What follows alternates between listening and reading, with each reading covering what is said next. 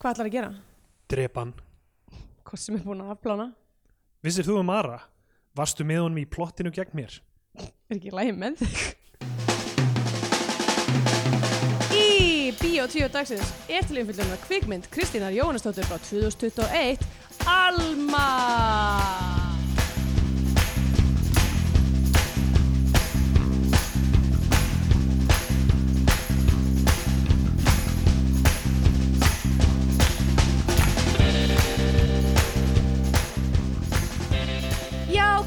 sæl og velkomin í 2 hlaðvarpið um íslenska kvikmyndir. Ég er enn sem áður Andrea Björk Andresdóttir og hér með mér er Steindor Gretar Jónsson. Góðan daginn.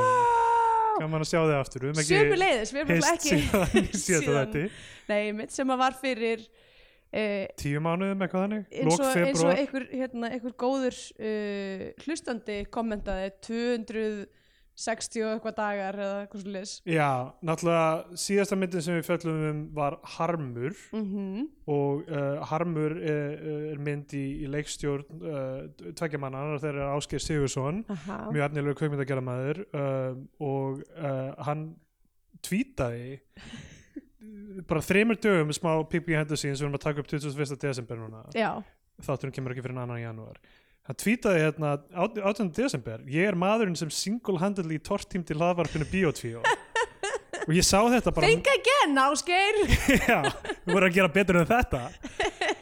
Uh, þetta, var bara Við hlökkum til að sjá Harm 2 myndina sem fer með okkur í gröfina uh, þetta, þetta hann og ég bara sá þetta fund, þegar við vorum að taka fund um uh, um endurkomu um endurkomuna. Já, emmitt Þannig að já, uh, hérna, kötturinn er sloppin úr segnum. Uh, Bíotvíó is back, baby. Við erum komin aftur. Sama dag og við erum að taka upp núna þá var tilkynnt um samruna stundarinnar og kjarnans. Um, þannig að við vitum ekkert hvar er verið að uh, hósta uh, þessa þætti. Já, ef þið heyrið þetta þá er líklega virkar en þá það sem við höfum verið að gera hinga til að byrta þetta á stundinni. Eða þú veist, kannski hættu þið aldrei að vera áskrifundur, áskrifundur í, í podcastforritinu ykkar og þá Þá kemur þetta bara. Ætti bara að koma inn kemur bíotvíu bara. Um, það, það er leiði langt síðan sko, ég var að skoða myndina sem vorum að fjalla um hérna, í síðasta holli Mhm. og þú veist, ég myndi ekki eftir sem þeirra Nei, Vandarhögg, Hrafskunlausonar og, byttu, hvað var það? og hérna já, við tókum Mjóttina, við tókum Palestar Ok, samt í Tree. vandarhögg Þetta er sjómasmynd já, Var þetta eitthvað svona Þetta mommy Akureyri. issues eitthvað? Já, eitthvað svona genderbending eitthvað. Já, alveg rétt Húsið þarna já, sem var rifið, hótelið. Vá, ok, já það tók smá, smá tíma til að hérna rifið þetta upp en alltaf allt í Já. lagi Við enduðum á harmi, ég held að veist, þetta var miðjan, sko þetta var náttúrulega miðjan vetur það var annar COVID-vetur í Berlín. Uh, við enduðum á harmi í lok februar þú veist. Uh, ég held bara ég, það, það var bara komið nóg að því að horfa á íslenska kvikmyndir. Já, við þurftum að fá pásu. Já, og, við vorum við erum, sko við erum þakklátt öllum þeim sem hafa beðið spakir. Já, fólk er búið að náttúrulega vera þú veist, hlustendur okkar eru svo næs. Þau það. senda fallega hluti og er að hvetja okkur til að koma aftur og reyna að redda myndum og svona. Um, ef við ekki að segja hvað, hvað er, við erum að gera í tilefni af því? Jú, ekki fara beint í það. Kannski fyrst, fyrsta lagi, kvikmyndasamnið líka Já. búið að vera einstaklega hjálplega sko náttúrulega auðvitað ástæðan fyrir að við fórum í dvala var að við vorum bara ekki með myndir sem við gátum horta á og við búum í Berlín og gengur ekki fyrir okkur að hoppa inn á kvikmyndasafnið og Já. horfa á einhver raratís þar. Uh, þannig að við vorum bara í þeirri stöðu að við þurftum að stoppa uh, Núna eins vegar. Já, kvikmyndasamnið er bara að hjálpa okkur aðeins með þetta og, og, og það verður bara spennandi. Við ætlum ekki að vera að segja um mikið fram í tíman hvað við ætlum að taka en Nei, mitt, en bara big shoot out to the kvikmyndasafn. Já, og hérna ég, ég veit ekki, mér langar að segja eitthvað styðja við kvikmyndasamnið, ég veit ekki hvernig það virkar. Er það hægt? Borgiði skattan ykkar. Já, já, ekki svíkund að skatti. Það fer, það fer allt í kvikmyndasafnið. Já. Um, þannig að bara já þakkir fyrir það. Og það sem við ætlum að gera mm. sem er spennandi og örglega eitthvað sem við hefðum átt að gera með vorum með þá heit Já, já, mitt núna erum við alltaf komandi úr einhverjum dvala og erum kannski með svona fjóra hlustendur Já, eftir það er eitthvað svona, þú veist, það er eitthvað svona símar á haugunum sem er ennþá svona smá batteri Já. allt inni poppar upp bara eitthvað nýr þáttur Bíotíu þáttur, nákvæmlega eitthvað svona brotnir, eitthvað þriðju kynslaðar iPhone-ar eða eitthvað. fyrir það fólk sem var búin að stilla notification á þegar það kemur draf bara nýr bíotvíu Já. þáttir og þá færði Ég fæ alltaf að podcast-appið mitt segja mér alltaf hvað er að koma nýtt inn. Vá, ok, ég er búin að slökka öllum notifications á öllum forundunum mínum Já, allir hættir að nota Twitter af því að það er bara eitthvað yfirgengilegt í gangi þar. Það er óbærilegt ástand á Twitter fólk er hætt að skoða Facebookið sitt. Um, Já, við vitum ekki hvernig við erum að, að nálgast fólk Já, láta fólk vita, þannig að ka- kannski hlustendur deilið þessum upplýsingum. En Já, við, við, erum að byrja með Patreon. Já, við erum komin í sama fasa á allir aðrir Já. Við erum búin að vinda okkur í gegnum alla mögulega podcastveitur í Ísland sem að greiða laun og hérna Alvarpið, Rúf 0, Stundina, Stundir að slast kjarnan, við veitum hvernig, hvernig þetta er. En, sko, en, þú veist, en þú veist, það er ekkert mörg íslensk podcast á Patreon. Nei, emmitt Sko þetta er tilraun og við erum bara spennt fyrir þessa tilraun Já. um, Við, ég held að við sem ekkert með rosalegt overlap við skoðanabræður til dæmis. Nei, ég held að séu mjög fáir sem að hlusta á skoðanabræðar sem hlusta okkur Já, ég veit það ekki. En ég, þeir ég- megur e, hei, láta heyri í sér Já, faðmur Bíó 2 Hvað, er breiður. ætla að séu einhverjur goons sem að hlusta Bíó 2 Eru allir gún sem hlusta á Já, það skoðanabræður? er goon podcast sem að bara hefur til um, en ég var að hugsa um líka bara veist, með, þegar við vorum að byrja veist, og alvarpið var ennþá til veist, fílalag er hætt Já. hismið var heitast þarna, það er hætt líka um, er, er aðtils hérna, Aðeinsbæstur lokast í hætti uh, ok. og uh, já, ég meina það er er er ekkit svo mikið game í gangi sko. við erum svona einhverjir Já, ok, síðan sko er náttúrulega einhver annar, annar hérna, uh, hvað maður að segja um, önnur sneið af íslensku samfélagi sem er að hlusta á eitthvað svona morð já, já. kost, köst og eitthvað svona. Og svo náttúrulega er, eru náttúrulega síðan eitthvað svona íþróttapodcast sem eru bara að já, hala eitthvað formúlupodcast ég, ég sá það á formúlupodcast sem er bara geðveikt vinsæl já, af því að þú getur ekki fengið upplýsingar á ennsku um formúlunar Nei, það, Það er er, er li- little known fact er að hún er bara til á frönsku af því að uh, formúlan eins og frækt er gerist bara í Monaco já, það er rétt. Um, og uh, já, þess vegna þarf ykkur tvo íslenska gæja til að tala. Já, nei, nei, bara Um, virð, formúlu. virðing á nafn þeirra. Já, það er frasi sem ég sá á Patreon síðu skoðanabræðra þannig að já, virðing á nafn. Uh, sko, já, við erum smá svona smá no country for old men þetta, já. Við erum old men. Við erum gamla fólkið. Eh, sko, ok, patreon.com skástrík biotvíó á að virka þegar þið er að hlusta þetta. Já, og á þeirri síðu og við erum mjög spennt fyrir þessu. Og af því að ef, ef þetta gengur vel sko, ef þetta gengur illa allt í læg já, allt í lagi. við, e, þú veist, við skiljum alveg að fólk hvor, hva, hafi kannski ekki þú veist, í þú, í þessa í, þe í, þessu árferði þessu, í þessu árferði. Með, þess, með þessa verðbólgu. Glemdi því. Já. Veistu hvað rafmagn kostar þetta í Berlín ástæðan fyrir að við opnum náttúrulega þennan. Patreon-reikning er að rafmagsverðið í Berlín er farið upp úr öllu valdi Já, og við náttúrulega- sitjum hérna í kuldanum í fimm lögum af ull. Já, við erum eitt fremsta fórnalamb stríðsins í Ukraínu Já, af því að allur orkukostnaður er búin að fara að rjúka. Þið viti ekki hvað hefða gott þarna á Íslandi með þetta Nákvæmlega. fucking Þið heita getið vatn farið- sem þið getið farið í sprettur upp úr klukkutíma hverri sturtu. glufu oh, fuck. Allavega, sko það, þetta, er, þetta er skemmtilegt þetta verður skemmtilegt. Já, og, og við erum spennt fyrir þessu. Já, ég veit, ef þetta gengur ekki fínt við viljum ekki að byrja á þannig, þetta mun ganga. Þetta mun ganga. það mun ganga. Við erum að bara að reyna að fá smá bara lámarkslaun upp í þann tíma sem við erum að taka hérna upp og horfa á, á þessa myndir mm og við erum með þrjá uh, uh, tiers. Hva, Já, við hvað erum heitir með, þetta á íslensku? uh, þrjá flokka eða hérna um, membership levels kallar uh, Patreon þetta.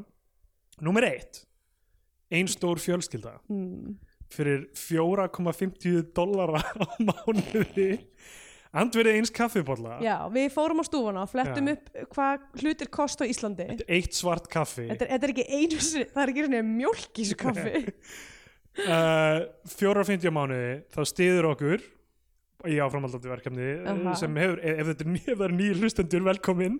En það sem við erum að reyna að gera er að horfa hverja einustu íslensku kveikmynd Íslandsögunar og fjallum hana. Já, og, og, og þú veist, ef að þú ert þeirra skoðunar að þetta sé mikilvægt, að það sé allavega ein, ef ekki tvær mannskjur já, á þessar plánutu sem hafa séð allar íslenska kvikmyndir sem hafa verið gerðar já, að þá, hérna, þá ertu, þá ertu í fjölskyldunni, þá ertu einstór fjölskylda.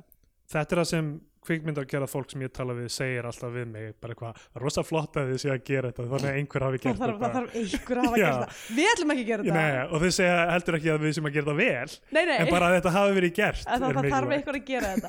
Að ég meina við erum sko við erum að taka kúluna fyrir mjög mikið af fólki með Já. að vera að horfa okkur svona shit eins og vandarhögg Já, sem að engum langar sérstaklega til þess að vera að horfa á nei, en veist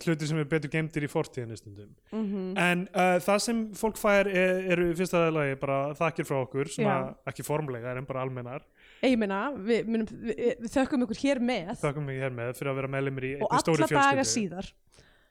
Uh, það er náttúrulega til þáttur um eina stóri fjölskyldu sem þið getur hlust á. Já, sko við viljum bara að það komi fram að þess, að þessi nafntitill á þetta týr einstaklega fjölskylda þýðir samt ekki að við séum að fara öll að sofa saman. Nei, þetta þýðir ekki að við sem að fara að batna hvert annað eins og í myndin einn stór fjölskylda uh, og bónus þar er líka þið munu geta tekið þátt í hlustendakostningum uh, um Já. ímis álitamál sem koma upp hérna, í þessum opnu þáttum sem við erum með hérna, þessum Mhm. mainline þáttum. Einmitt. og við munum leggja undir ykkur á, á Patreon. Já, svona þú veist ef við erum ósammála um, um eitthvað ef við ætlum að vera með live show, hvaða myndi við að taka í live shownu um, þú veist, bara alls konar, alls konar hlutir sem að hérna uh, koma til umræðu. sem kom til umræðu þá hafið þið kostningarétt í því máli. Flokkur 2, Óskabörn þjóðarinnar fyrir nýju dollara á mánuði. Þetta finnst þetta er dollarar Já, við, við, birtist ekki, breytti en allavega. Nýju dólarar á mánuð, þetta er eitt bjór á bar. Er, ég spurði vertin á röngin Steinþór Helga Arstinsson hvað, hvað fólk er að borga fyrir bjór og hann, hann gaf mér eitthvað svona almennt verð ekki bara röngin og annars stað, heldur líka annar staðar. Þetta sé yfirleitt eitthvað staðar 1200-1400 kall. Það er Eh, náttúrulega svæðið sinnloss. Já, það er sinnlós sem þýðir og þýsku aftur senseless já, já. Sinful er svona, það er samt svona er það, sinful er svona þetta, þetta er skinsanlegt eða eitthvað. Já, sense, sense og senseless eða eitthvað. eitthvað svo leis við erum að koma upp um hrikalega lélega Við erum búin, að, við erum búin með B2 bæði Já, í tískutímum hérna og við erum ekki betri en þetta. Já, Um, og uh, fyrir verð eins bjórs að bára mánuði uh, þá bara velkomin til Amsterdam og skap Bjarn þjóður hennar. Uh, Mhm. þú, og þeir sem eru í þessum flokki fá vikulega bónustætti frá því Oh my god, pjú, pjú, pjú, pjú, pjú Bíotvíó bónus. Hver, einustu viku Bíotvíó bónus, ekki bónus tvíó Bónustvíó er þetta gott Er þetta fyrsta kostningin á að heita bónustvíó Já, a- a- eða- eiga, eiga, eiga þetta er að heita bónus tvíó eða Ég held að það sé bónustvíó Við þurfum ekki þess að kjósa um þetta. Þetta er Nei, flæðir betur. Tvö góðu gildi íslensk orð, bónus og tvíó um, Og þættirni munu fjalla um eftirfarandi og fleira til. Íslenskar heimildamindir, íslenskar stuttmyndir Íslenska sjónvarsþætti, pilot þætti Mhm. örgla mest og flugstjóra, flugstýru þætti Flug, flugstjóra og flugstýru þætti uh, og, og til dæmis líka uh, tónlistamindbönd já, áramótaskaup kannski sjónvarsviðburði bara svona ímislegt gegnum árin höfum við oft fengið skilabóð frá hérna, hlustendum sem að er eitthvað svona, heyrðu þið verðið taka fyrir þetta sem að fellur ekki svona beint undir Nei, nei, uh, hérna, íslenska kvikmynd í fullri lengd þannig að við höfum svona hvað, já, ok, þetta er mjög áhugavert en þú veist, uh, vildum ekki breyta frá forminu en núna höfum við þess að gera það og allt, hérna, bara taka fyrir allt svona Ísland, íslenskt um, leikið efni uh, þú veist, Já, ekki animated leikið efni, efni þú veist, getum tekið hérna stuttmynd, animated stuttmyndina sem var til um til Óskarsvæluna Þetta, hvað er það litla lir, lirvan ljóð? ekki litla, Nei. en við erum 100% í einum bónustætti að fara að taka fyrir litla lirfan Já. ljóta Og já, og uh, þið fáið líka að taka þátt í hlustandakostningum og sjálfsögðu fáið þakkir fyrir stuðningin. Já, Og svo er það top flokkurinn. það er topp Þetta er fyrir the big spenders out there. Já. Englar alheimsins. 19 dólarar á mánuði. 19 dólarar sem að er, er andvirði eins pela af grænu gæjól Já, á nákvæmlega. Íslandi Og þú veist, ég, ég veit ekki með aðra en ég kaupi 2-3 á viku Já, ég og segi ég get það. sleft einum. bara, þú veist, fyrir, fyrir þitt uppáhalds podcast þá, Einmitt. ég minna og þetta er sko fyrir, fyrir svona ultimate stuðnisfólkið uh, þið fáið allt þetta hitt bónustætina hlustendakostningar þið fáið uh, shoutout í þætti. Mm, það verður hrópað á ykkur í ennum Við þáttunum. munum öskra á okkur í þættinum. Uh, vinalega. Ja, Já, og, og þú veist, allir, allir fólk get ekki sagt eitthvað svona Hæ, hæ, eða, skráu sig hæ, hæ.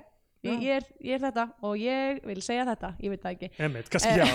Fólk byrjar að senda inn einhver svona einhverjar yfirlýsingar, einhverjar Já. svona einhver manifesto. Já, þetta er eitthvað zodiac dæmi. Stefán uh, Karlsson. Ég mun drepa aftur. Lögreglan er bara eitthvað herðu við verðum að lokka fram þennan hlustanda. Uh, já og þegar við erum komið nóg marga áskrifundur í þessum flokki sem, sem er ekki vandræðilega fáir já, ef þeir komnir eitthvað svona í kringum tiltina upp úr. Já sem segja kannski svona uh, a baker's dozen. Já, þá ætlum við að vera með mánaðarleg livestream með leinigjastum og sprelli og einhverju fjöri einhverju ísl, kannski einhverju íslendingar hérna í Berlín sem mæta eða það eru nokkur, frægir kvikmynda íslendingar hér í Berlín. Já, það er rétt, getum við já, snúið upp á höndina þeim. Rúglega, já, og uh, já, svona, uh, svona hvað maður að segja, tími til að hanga saman eitthvað þessi yfir interneti, já, Í þessum, á þessum myrku vetramánuðum framöndan þannig að það gæti verið mjög gaman. Já, ein stór fjölskylda, Óskarbjörn þjóðarinnar, Englar Alheimsins, veljið eitthvað flokk. Við myndum þykja, þú veist, þó þessi ekki nema einn mánuð að að tipsa okkur eitt kaffibólla. já, Þú veist, þetta tekur allt saman inn og við erum bara að reyna, þú veist, þetta er, þetta er smá stús, sko. Já. ekki bara að redda myndunum og ekki bara að horfa á þær, ekki bara að taka upp þættina, ekki bara að klippa þættina, já. heldur bara eitthvað svona, eitthvað admin Já, einmitt og, svo, og, og, Skrifast þá á leikstjóra. og, og þá er ótalið uh, uh, sálarangistinn sem, að- sem að kemur yfir mann hvert skipti sem að þarf að taka fyrir mynd sem að maður alveg veit að er ekki fór að vera góð Miskabætur. Já, tókulega. Þetta er rauninni bara þess að ég get svarað að mögulega er eh, hérna, ef, ef, ef, ef, það gengur vel þá tekið minn pening og setja henni sálfræð þjónustu Já. handa sjálfur mér Ég held að það sé skemmtilegt framöndan uh, núna frá með janúar og við eigum slatta myndum fyrir líka aðalþættina okkar sko. Það, þú veist, ef þið viljið bara hlusta þá og ekki, ekki bónusþættina, það er bara alveg flott líka. Mm um, bara endilega ef þið, viljið hjálpa, segið vinum ykkar seg, postið ykkur á samfélagsmiðla Já, á Mastodon eða hvar fólk hangir núna. um, Sendi, sendið þetta inn í ykkur hópspjöll þú veist, eitthvað svona strákaspjalli svona millið sem er að senda myndir Já. af Pamela Anderson ykkur á milli. Já, sem strákar sem strákar eru vissulega ennþá að gera. Og, og hver við yfir ekki, hendið þessu inn á Telegram, dóphópin ykkar. Já, nákvæmlega. Uh, bara, þú veist, hvar sem er. Feitur gonni og by the way fyrir verð aðeins 0,1 grams af amfetamíni getur stutt B.O.2 og tekið það til hlust þetta kostingu Vá Grammið amfetamín bara orðið svona dýrt á Íslandi. Þetta er náttúrulega sinnloss. sinnloss. Van, vansinn Ég var að vinda okkur í ölmu já, Er þetta, erum við búin að segja allt sem við þurfum að segja? Ég held það sko, ég hlýtur að vera.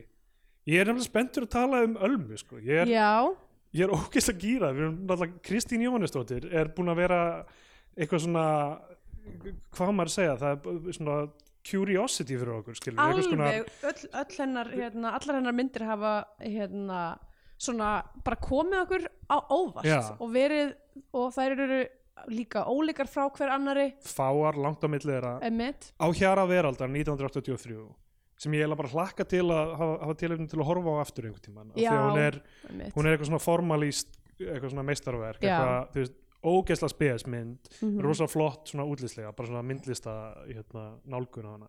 Mhm. um, það er 83 85 gerir hún líf til einhvers sem við erum ekki búin að horfa á Já, sem er tæknilega sér sjónvarsmynd en er veist í lengt full, hún er yfir Já. klukkutími ég held að við getum alveg tekið hana ég meina þá, Aðalþætti. þú veist, við höfum gert það áður við tókum Já, hérna Steinabarn Steinbarn, já og, Steinbarn og, uh, og Glerbrot sem Glerbrot. er næsta myndin hennar hérna 1988 aftur lukkar vel, Björki að hlutverki Já. weird, eitthvað svona handrit, við þurfum ekki að rifja það upp. Nei, það er til þáttur um það ef þið viljið hlusta á hann.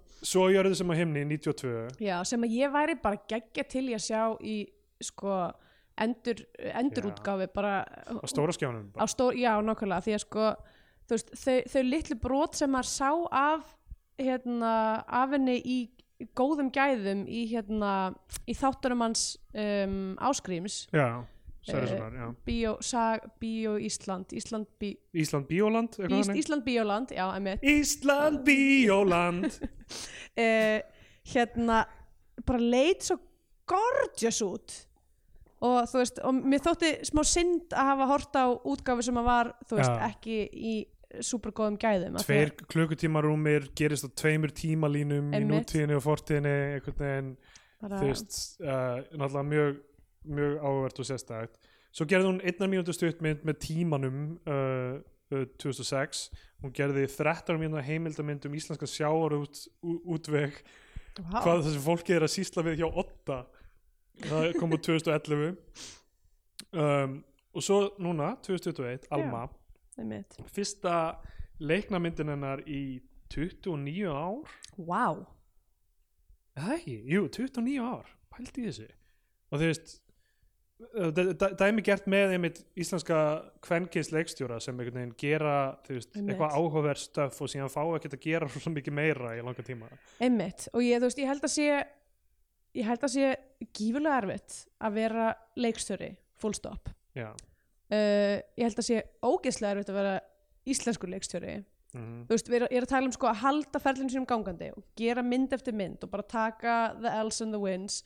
Um, ég held að sé ugeðslega erfitt að vera kvenkins á Íslandi. Já, ég held að sé svo erfitt að það er bara þú veist, okkar bestu, okkar bestu kvenkins bara leikstýrur hafa bara margar gefist upp bara því að þú veist þetta er bara fucking já, glata hérna, umhverju til að í. Einmitt. Eða þú veist, er mín um, tilfinning. Ég minnist, þess, ég minnist þess líka að hafa séð að því að hérna uh, önnur sem við höldum alveg svolítið upp á hérna, Thoroddsen. Ásdís Thoroddsen. Hún deildi því einhvern tímann á Twitter hún, í einhverju samtali sem ég sá að bara að þú veist þetta sé bara sorg að ganga. Þú veist Já, þetta já. sé bara geðsjúklega erfitt. Einmitt. Og hérna þannig að auðvitað bara er mjög gaman já, að koma út ný mynd eftir hana eftir svona ótrúlega langan tíma. Einmitt. Og sko ég, ég las einhverju viðtali að hún hefði sko hvernig hún uh, hugsar myndina sínar hún, því hún skrifur handriði sjálf er út frá bara svona hún bara sér fyrir sér eitthvað in her mind's eye bara einhverja mynd mm. og þarna var það stelpa að gæjast í gegnum fingur sér svona með hendur fyrir augun gæjast í gegnum fingur sér sem gerist á einum, einum tímpúti í myndinni Mm. það var bara fyrsta hugmyndin að þessari mynd ok, og uh, mjög áhverð að því að þú veist, ég horfði eitthvað fyrirlæstur um uh, hjá Celine Sciamma sem gerði Portrait of Lady on Fire hún Einmitt. gerir líka svona, sko. Hún hugsa bara set pieces og síðan Einmitt. prjónar handritið í kringum það. Einmitt í, í, í, rauninni kringum svona desired senur já, í rauninni. Sem ég held að sé flott að því að maður hefur heyr- heyrt fólk segja þú veist, frábær mynd er þú veist uh, þú veist, þrjú góð atriði og engin slæm. Já, Uh, og, og þú veist, ef þú ert með þær hugmyndir einhvern veginn og getur prjónað eitthvað gott í kringu þær þá, mm þá virkar það. Einmitt. Ég veit ekki alveg hvort Alma er, er þannig fyrir mér og, þú veist, en þú veist, hún er mjög, ég er mjög, mjög spenntur að tala um hana mjög áhugaður mynd. Já, hún byrjar á sko það er svona myndband svona eins og þú veist, að svona fréttamyndband eða Já. svona heimakameru myndband einmitt, sem er svona eiginlega, mér langar að segja DV-cam, þetta er já, fjóru þrýr uh, svona, þú veist, einhvern veginn miðja sko, mér fannst þetta sko, mér fannst þetta flott uh, stílbrað já, eiginlega, þú veist, það var þetta svona það sem eiginlega, eina sem fór í töðunar á mér að- er að uh, ég sá að þetta var ekki actually tekið upp á veist, þetta er tekið upp á nútíma mynd, myndavel uh, hérna og síðan er þetta í rauninni hérna bara eftir, eftirvinnsla já. en þú veist, en þetta náttúrulega er ekkert allir sem að er að spekka það sko. Nei, nei. Ég, En, hérna, velt, ég velti fyrir mig hvað sem mikið hlustendur hafa séð þessa mynd, hún var á rúfum einhver tíman en, en hún svona ég veit ekki já, hvers mikið, mikið áhrif hún fekk í bíó eða eitthvað þannig. Hún, hún hefur allavega verið sýnd á rúfum einhver tíman þannig að Mhm. það getur verið. En sko í þessu, þetta er eitthvað svona það er eitthvað stríð í gangi, lukkar smá eins og bara á, á Balkanskaga já, með bara eitthvað eitthvað. lukkar smá svona Evróst mm og þannig er áslagur yngvar svona að spila á fiðlu í einhverjum húsarústum. Og svo er eitthvað svona mæðgur eitthvað að flýja eitthvað svona Já. Og sko þetta hérna fyrir, utan náttúrulega aðarpersonan Alma er leikinn af Snæfriði Ingvarsdóttur mm sem er systir hans.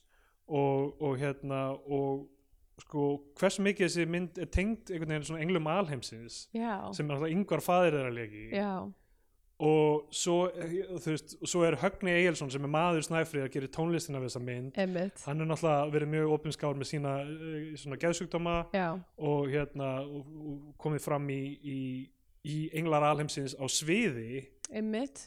Og náttúrulega í þarna heimildamyndinni hans andra já, snæs. tveir pólar. Eitthvað þannig. Þetta er svona, þú veist hugurinn fór fljótt að tengja við Engla Alheimsins og svo eftir þetta stríðsmyndband sem við vitum ekkert hvað þýðir lengi vel og í rauninni er enda mjög óljóst Já, í mínum ég, huga, ég held ok. því sem er nokkuð góð ok, um hlakka til að læra það Mhm. en þá, hérna, þá byrja myndin og þá erum við komin á réttargeðdeild Já. það sem Alma er myndið er tilenguð Sigurði Pálsini bæði og, og líka hérna tilenguð leikonunni í lokin kemur Emanuel Riva leikona Mhm, Sem er leikur í myndinni. já, Mhm. og úf, það var eitthvað eitt nafn en ég skrifaði ekki hjá mér ég hefði þetta að gera það en það kom alveg í blá lokin sko. Mhm. um, Sigur Pálsson kom eitthvað að, að gera handrits eða Já, eitthvað svona ok. stund eitthvað, eitthvað skrifaði eitthvað ljóð sem er í þessu eða eitthvað þannig. Já, já, við erum komin á réttakeiðdeild og við erum með narration yfir annars vegar hún og hins vegar einhver önnur rödd sem er held hú- hún sem barn já, og þetta er í rauninni uh, þú veist, ég held að mér var, nú er ég alveg búin að gleyma því að því að það er smá er vika eða eitthvað sín ég horfði á myndina en var þetta ekki matskött frá barninu og yfir á hana? Einmitt. Þannig að þetta er í rauninni sko, mín, minn lestur þarna er að hún, hún er já, uh, þetta er svona mom, PTSD momentið hennar einmitt. sem hún, sem hún svona það sem að sálinn hennar fragmentast og hún talar, uh, hún missir uh, röddina, hún er málið sko. hún Já, talar ekkert eftir og þess vegna við, heyrum við barnsröddina í rauninni. Þetta já, af því það er röddin hennar. Einmitt.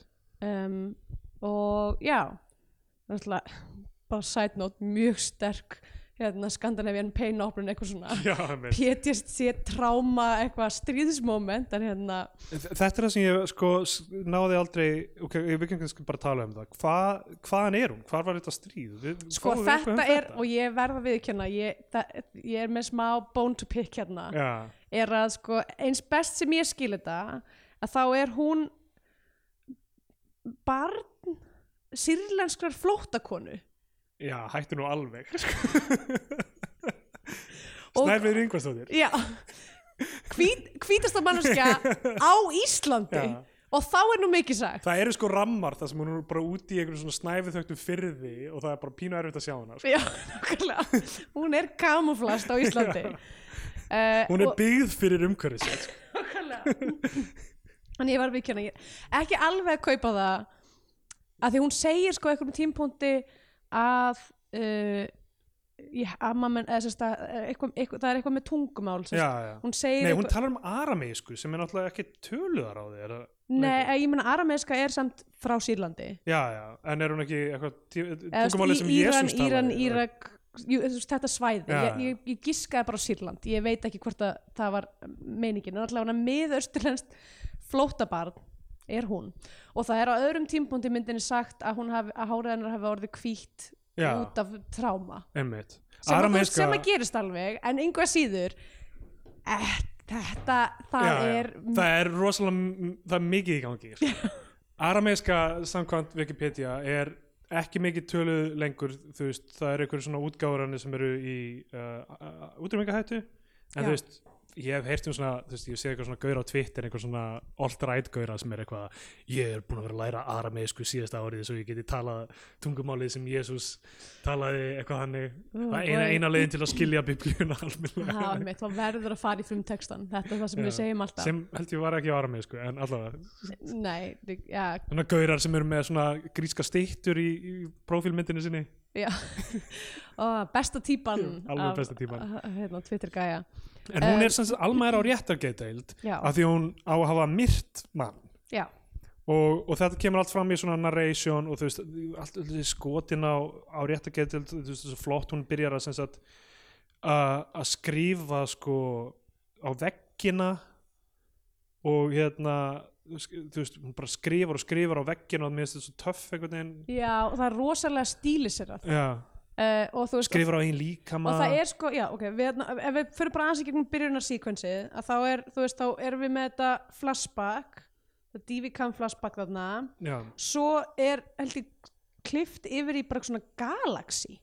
Það er bara svona já. sem að þú veist ég ætla að giska að sé bara hennar innri heimur í rauninni. Og hérna og svo fyrir við nú rétt að getildina og það er allt mjög svona mjög stílisirrað. Alveg svona tvo pointar sem ég var bara uh, akkur er allir svona akkur er allir svona fashionable inn á réttar getild einmitt. Um, sko það er allir í ykkurum, fucking, ykkurum ganni í kjólum aðna Hilmi Snær er, er e- e- einhvers konar yfirlæknir og læknin hennar og hann, er alltaf reyna að draga hana sko, fram. það er ótrúlegt hvað maðurinn getur sko, ekki, ekki verið creepy. Þú veist, ég, mér finnst bara ég á erfitt með að ímynda mér veist, þegar hann, er svona, þegar hann var á sínum svona, þú veist, svona svona it boy tin, tindi, þú veist, var fólk ekki bara, ok, hann er samt pínu creepy. Þú veist, eitthvað hundraði Reykjavík, eitthvað hérna, uh, shabby chic tímabilið sko, ég ætla að býja með þetta til lok þáttarins en, en ég er með yfirlýsingu. Ok, ég skrifa hann ekki hjá mér, hann er svona jazz yfirlýsing. Þú þú mátt alveg skjóta inn í vilt. jazz yfirlýsing, ok, hvernig með það? Þetta er allt spurningum hlutina sem þú lýsir ekki yfir sko, já, og ég jazz sko. um, ég stundur Greta Jónsson helbriðs ári hraustum líka maður ég fór í ræktinni í morgun. Ok. Um, uh, lýst því hér yfir. Ég tel uh, að samkvæmt rannsóknum sé það þannig að mannslíka minn allar frumurnar endur nýjast á sjö ára fresti sko. þú telur, þetta er þín trú ég, ég, þú veist, ég, læknir sagði mér þetta eða þú veist, einhver vinur minn sem var að sveppa trippi sagði mér þetta eða eitthvað þannig. Ég er nokkuð vissum að þetta sé satt. Ég er nokkuð vissum að þetta sé víslega staðrönd allar frumurnar endur nýjast aha. Og ég held að það hafi gerst í byrjun árs 2016 hjá mér þú veist það gerist ekki alltaf Jú, sama það gerist alltaf samtíma hjá mér, ég fann það. Og þar að leiðandi er það búið að gerast aftur. Ég fann það aftur, ok, bara rétt bara á, í morgun þannig að við fórum að taka upp sko. Vá, ok, eftir ræktina samt já, já, einmitt, það var bara svona krafturinn af liftingunum einhvern veginn, já, ég bara fann frumundar bara, ó, núna þurfum við virkilega að taka á því. Og þar að leiðandi, ég er bara ný maður ég er eitthvað steindor 7.0 eða 8.0 eða eitthvað, Ok. ég, ég kann ekki reikna þetta Sjö- sjösur um sjö. Nei, það meikir ekki sens, ég er ekki það gammal Ég er svona 6,0 leikast það ok, Ég veit ekki hversu hrætt þetta gerist á barsaldri, hlýtur að gerast hraðar þá eða ekki já, ég meina ég er einhver- annað fólk já, en greinilega ekki fyrir þig að þú tekur bara svona, þú er svona hamskiptum Já. og sjö ára fresti bara kemur svona annar steindur og svona þú steindur klipst í sundur Já, og ekki svona annar steindur eins og upp. snákur svona, já, einmitt. Uh, það er eins og, þú eins og kemur höfuð upp og það er eins og þú sért í kraft, steindors Já, kraftgala. nákvæmlega. Ég er með ga- Ég er með það flesh suit. Ég á það bara, ég get Nú, nota Ef þú vilt fara út, sko mér datt náttúrulega í hug fyrir, fyrir Englar Alheimsins tíjarinn flokkin á Mhm. Patreon hvort fólk myndi vilja, þú veist, fyrir rosalega mikið pening fá að lifa eins og við. Fá að, þú veist, eiga einn dag sem við, koma til Berlínar flugfarið er ekki innifalli mátt klæða þig í steindórskallan og þú mátt labba meðal fólk sem heldur að þú sért já, annar en þú ert. Fara í ræktina. Já, fyrir ræktina.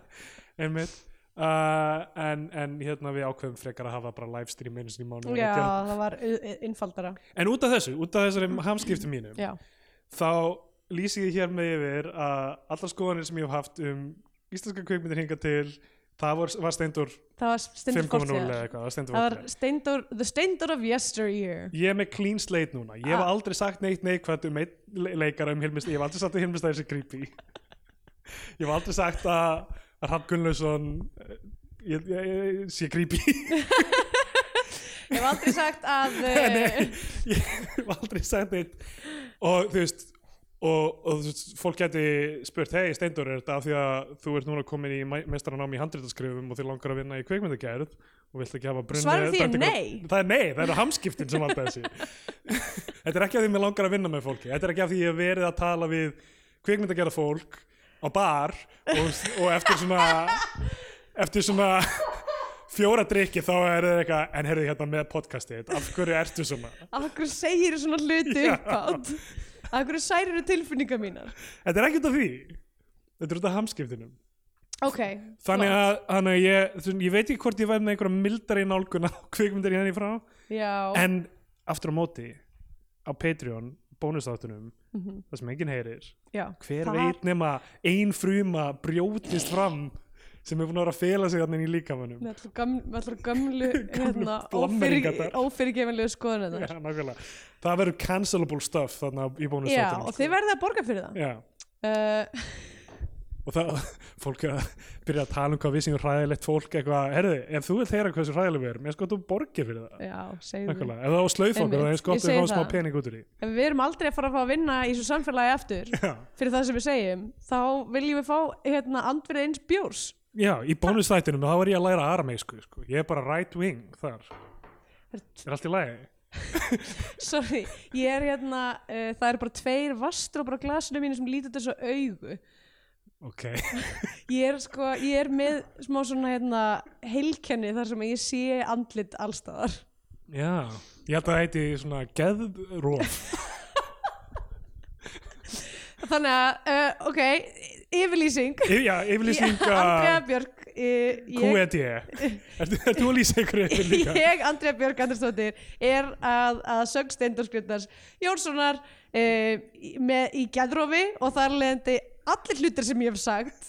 Já, þú ert varanlega í geðrófi sko. Já, en, en, það, en það ættu fólk ekki að undra sem hefur hlustað okkur síðastlegin fimm Nei. ár með hlutina sem ég hef sagt upp átt að ég sé bara búin að vera í einu samfelldu gæðrófi síðan að ég flutti til Berlínar.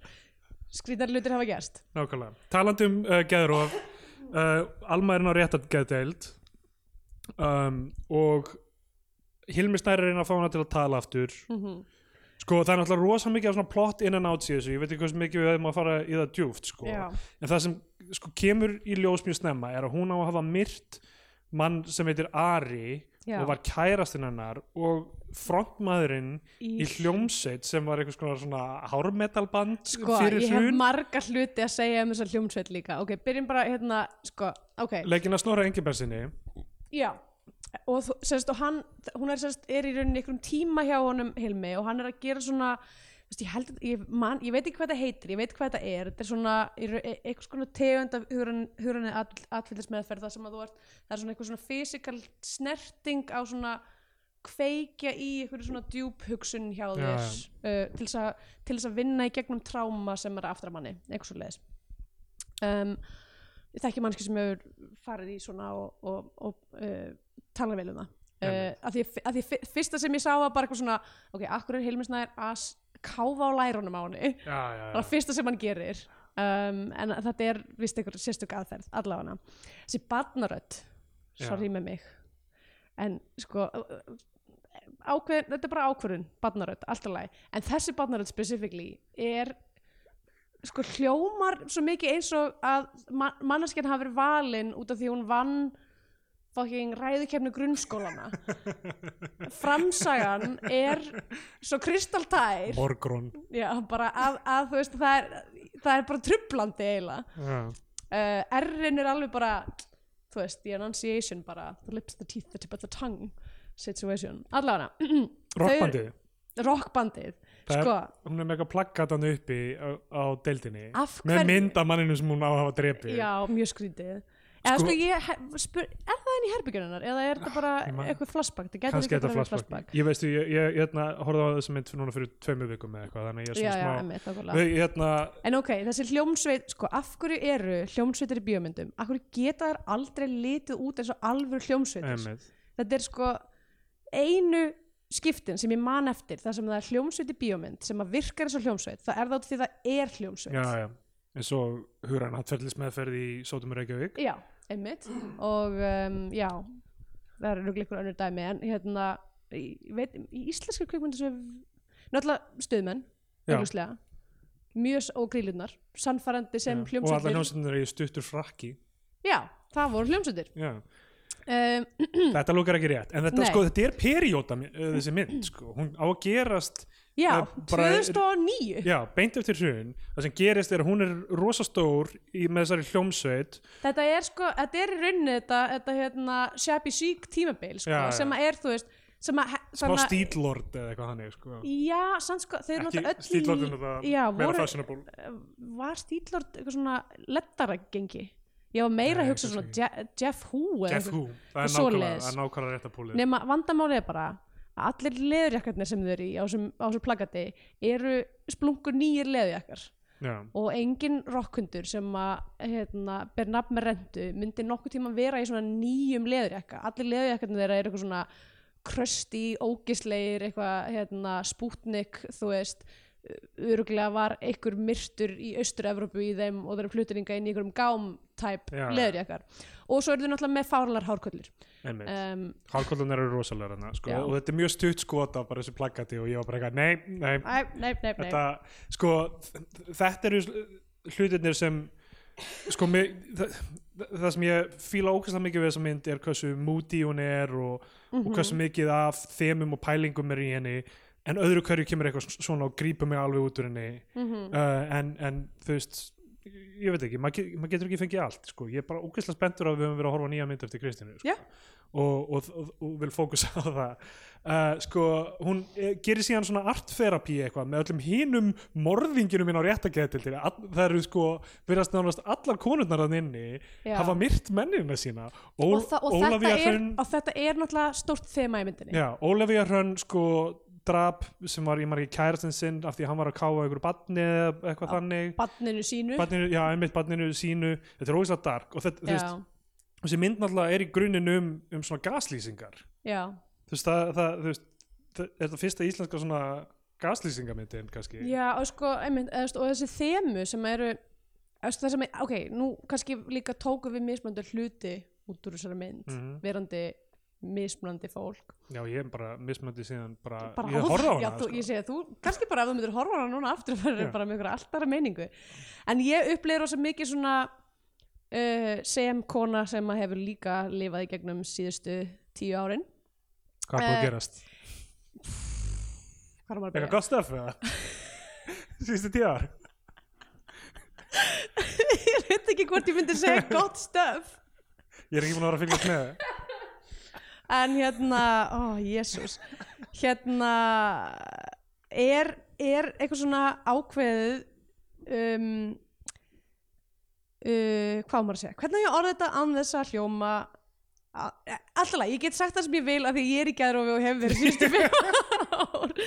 En bara ákveðið undirleikjandi hatur á kallmönnum, bara á öllum kallmönnum og hvernig maður dílar verða inn í sér að hafa þetta hatur já, og þú veist er maður bara að fara að myrða einhvern eða þú veist, eða er maður að fara að fyrirgefa þú veist, hvernig lifir maður með þetta hatur inn í sér og, og, og tráma sem maður hefur orðið fyrir og hérna og, einmitt, og það, að það þurfa að halda áfram að búa í samfélagi þar sem er endurlust verið að fokk í manni já, þú veist um, sem að mér fannst rosalega áhugavert og bara spennandi umfyllunarefni til að taka fyrir og þú veist og það er, það er svona uh, líkill í þessari mynd eiginlega sem er líka sem er hérna uh, málverk Artemisi Gentileschi sem að er já, já, í hérna uh, svona sem, sem, að sem að- kemur setni hlutan á myndinni. Já, getur þú satt okkur eitthvað frá því eða? Já, þetta er mjög áhugavert verk. Það heitir hérna Judith og Holofernes uh, Judith drepur Holofernes og sko biblíusagan er það að Judith uh, sefur í Holofernes og drepur hann síðan til þess að bjarga fólkinu sínu. Er bara, þú veist, alltaf læg en það sagan bak við málverkið er það, og þetta er mjög áhugavert í sög, af því að það er mjög margir málað Judith og Holofernes og mestmægnis svona rennsans kallar. Og það er til dæmis ef maður ber saman verk Artemisiu og hérna Caravaggio að þá er þú veist í Caravaggio verk, verkinu þá eru konurnar svona þær eru ekki hérna það eru ekki jafn miklu gerendur, þær eru ekki jafn aktívar Mm. það sem er svo sérstakt við þetta málverk er að þær eru bara ókslega verklegar í því að afhauðsa mannin sem sagt Judith og hérna uh, hérna þernan hennar. Þær eru bara, þetta er bara svona mjög brútal verk í rauninni. Um, og baksagan við þessa konu Artemisi Gentileschi sem er svona einn frægasti hvern rennsasmálarinn er að henni var nauðgað. Og hún sem sagt, hérna, lögsótti nauðgaran sinn og það var mjög stórt mál uh, á sem tíma og í rauninni sko og hún var eiginlega á, í mjög langa tíma held ég uh, bara hérna uh, máð út úr sögun end, uh, enduristnar málarsögunni já, bara fyrir að vera kona og þú veist og bara fyrir það, ímsa af þessum hlutum en allavega, þetta er mjög ó, ó uh, svona venjulegt mál að þú veist að þetta gerist á um, hvað 16. öld, nei 17. öld að, að einhver í rauninni standi í þessu. Ég man ekki hvort hún vann málið eða ekki en það skiptir svo mikið öllu máli en allavega. Og þetta verk er í rauninni sko myndi ég segja litað af, af þessu er að þarna er kona sem að varð fyrir mjög hræðlegum hlut já, já, og, og, og, og bara sérst bara í verkinu bara, það er eitthvað hatur hérna. Einmitt. Um, og já, og þessi mynd er í rauninni mjög- svona miðjupunktur í, finnst mér sko frásögnin í setnilda myndarinnar já, en allavega, þannig að þetta er uh, já, og svo náttúrulega er fullt af einhverjum asshole gæmi myndinni sem, já, já, já. þú veist, en það er raun að saga kynni mitt kemur ekkert rosalega verið þessari mynd sko. Um, sko, já, og þær eru þarna en hver veit, þú náttúrulega varst bara fæðast áðan, Hva, hvað Nákvæmlega. kyn ertu núna, ekki eftir hver gott að veit, segja ég hef svo margt að uppgötu dag og ég er að eða þessum degi að fara yfir einhverja Patreon levels sko. mm -hmm.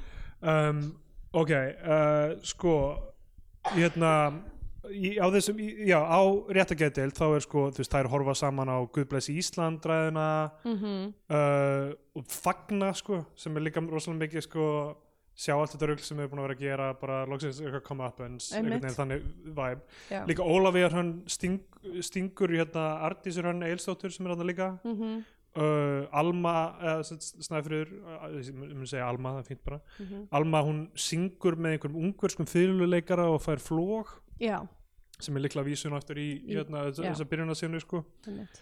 uh, og það er trigger já og það sem, og það sem ge- gerist náttúrulega er að hrunið á sér staðarna og Hilmisnær tapar á svo miklum pening og hver byrtist þeim að móði Já. Ragnar Hefur Steindastóttir sko, Hún er- sem hún m- mér fannst mjög gaman að sjá hana sem eitthvað svona algjört eitthvað svona hérna, svona skadræðiskvendi eitthvað svona loði og bara eitthvað algjör hún á að vera eitthvað svona eins og hérna, Guðbjörg Mattiastóttir útgerðarkona þannig.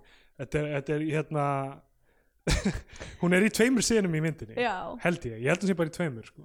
en þarna, það sem við heyrum hann svona í bakgrunni vera að tala við Hilmisna hún er móðir hans og hún er bara eitthvað veist, þetta er það sem það er að gera upp á fjárfestingarnar núna eitthvað. Hann er svo sett úr hann er úr Já. en hann ákveður að vera réttar geð, Geðlæknir, geð, og hún segir, þú ert að setja allan því peningi þetta og síðan tapar hann því öllu í hruninu. Já, held ég að sé það sem gerir sko. um, og, og hann fríkar út af því að hann tapar þessum pening og svo kemur í ljós Já, það var mjög fyndin senan þegar, hún er eitthvað, hérna, hún Alma er eitthvað svona ætlar að fara upp á skrifstofan hans og hann er bara eitthvað svona situr á gólun og er eitthvað, bákin er fallin bákin er fallin Ja. bara það var mjög fyndið. Um, býtu, þegar, hún, þegar hún byrjar að tala er það eftir flóið eða já, er það, er það flóið sem tryggir að það að byrja að tala eftir sko, málið er að þarna áhældi að vera á milli. Þetta á að vera hérna, timelapse sko, hún er að, þegar hún er að skrifa allt okkur svona, já, já, þá er hún að kenna sér að að kenna, já, kenna sér að tala og þetta á að vera sko held ég bara heilt ár já, eða eitthvað. ok. Það á að vera frekar mikill já, tími. frá 2008 til, 2009, já, já, ok. Og kemur í ljós að kærastinn hennar sem legginn á snorra Egil Bessinni er á lífi tíu ár liðin? Já, En- e, já, tí, átt, já nei, sjö, sjö eða átta.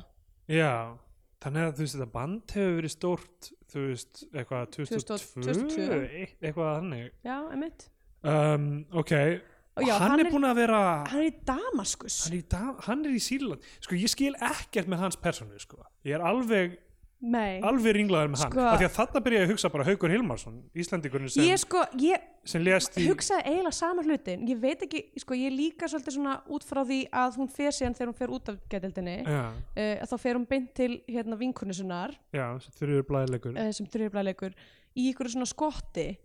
Og uh, ég man bara eftir því 2008 uh, 2008-2009 eitthvað leiðis að þá var eitthvað skott í gangi þetta var þegar ég var í að klára MH um, það var eitthvað skott í gangi fyrir ofan einhverja ah, hvað hétt þetta, þetta hétt eitthvað svona krakkakoti eða eitthvað.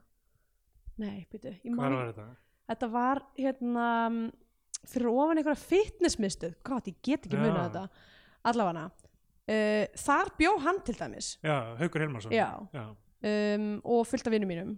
Og hérna Ingi Kristján held ég líka oh God, ef ykkur mann hvað þetta heitir ef ykkur, ykkur sem var í sömu MH kreðsum og ég mann hvað þetta fucking skott hétt uh, endilega heyrði í mér. Haukur Hilmarsson uh, er mitt hérna ég var að skrifa um hans mál bara dagana sem þetta var að gerast á stundinni skástrík kjarnanum. Uh, og hérna var mjög mikið, ég var í tengslu með einhverja, þú veist einhverja í Norð, Norður Sýlandi einhverja radikals eitthvað að reyna að komast að eitthvað verið í gangi. En þá ekkert Nei, komið í ljós. Uh, Íslands stjórnvöld bara það var algjörlega gugnað að gagvar Tyrklandi með að reyna að komast að hvað Tyrkir gerðu eða þarna sko, þetta var í innrás Tyrklands í Sýrland sko, já, einmitt. sem öllum, öllum var samum ekkert, veist, ekkert eitthvað langt frá Úgrænu, nei, nei, nákvæmlega. Azerbaijan er að ráðast inn í Armeníu núna, er engir að tala um það. Já, allavega, ég hérna um, sko, já, Haukur Hilmarsson sem, sem lést þarna og þú veist, mér fannst það svo bein hlíti að vera beinvísun í það mál. Þetta var, þetta var einmitt eitthvað svo specific. Já, Damasku sko og þá, þú veist hvað er þessi gaur búin að vera að gera? Við, og af hverju já, feikaði hann döða sinn, það var til að komast frá fíknefna fíknum og skuld já, ég held hvers, hann, já, hann lítur að hafa verið að díla eða eitthvað, hvernig, hversu já, hversu hátt gat hann rakkað upp einhverju neysluskuld? Já, ég meina það er ekkit úr myndinni sko. Feikaði döðu sinn þeir, þeir, þeir eh, handtaka hana og, og líklega dæma hana rétt yfir henni þrátt fyrir Mm. að það sé ekkert lík. Já, einmitt, það er ekkit lík. Hún alltaf játar, hún segir að hún hafi gert þetta. Já, hún er með eitthvað falska minningu einmitt. um þetta sem við, sem við sjáum í rauninni í flashbacki í einum af hérna, viðtölunum við Hilmi. Já, uh, þá sjáum við að hann, hann leiðir henni gegnum þetta og hann Einmitt. segir þetta þú veist, svona, lesi þetta upp í rauninni í einhverjum svona transi. Þannig að hún er með eitthvað falska minningu um þetta allavega. Sko en það er náttúrulega sko rétt kannski er þetta vísun í hérna ólögréttmættar hérna innleggingar og já, réttageðdeild er þetta svona í annar mál sem ég hef skrifað er, er Kristín búin að vera að lesa mitt stað er náttúrulega Jón, hún Jóns er Baldvins öruglega að lesa stundina. Já, já, ég- þetta Jóns Baldvins mál sem mm ótrúlega er satt fjall tómur í landsrétti og hann var- einn dæmdur kallinn já, en virðist öllum vera sama já, já, en þú veist bara að ég bara, ég eiginlega trúði þess ekki sko, þrátt fyrir að hafa veist, skrifað þetta Mhm. og hérna þarna 2008, þetta er byrjun árs 2018 janúar 2018 uh, og hann fáið dóm fyrir, ég bara trúði ekki að það myndi gera sko. nei, einmitt þetta er hérna en bara um, áhugavert, magnað Já. Sko en Um, ok, þannig að þú veist, kannski er þetta einhverja skýrskotanir þetta virka, sko, fyrir mig, ég verða viðkjöna og nú náttúrulega veit ég ekki hvernig það er með fyrri myndir Kristínar að, þú veist ef- þessar, þessar svona specific skýrskotanir tóku mig smá út úr aksjóninu Nefnilega, sko, það, það var eiginlega svona að mín aftur, þetta er, þetta er einhverja eimir af þessum skoðunum frá, frá því í gær sko.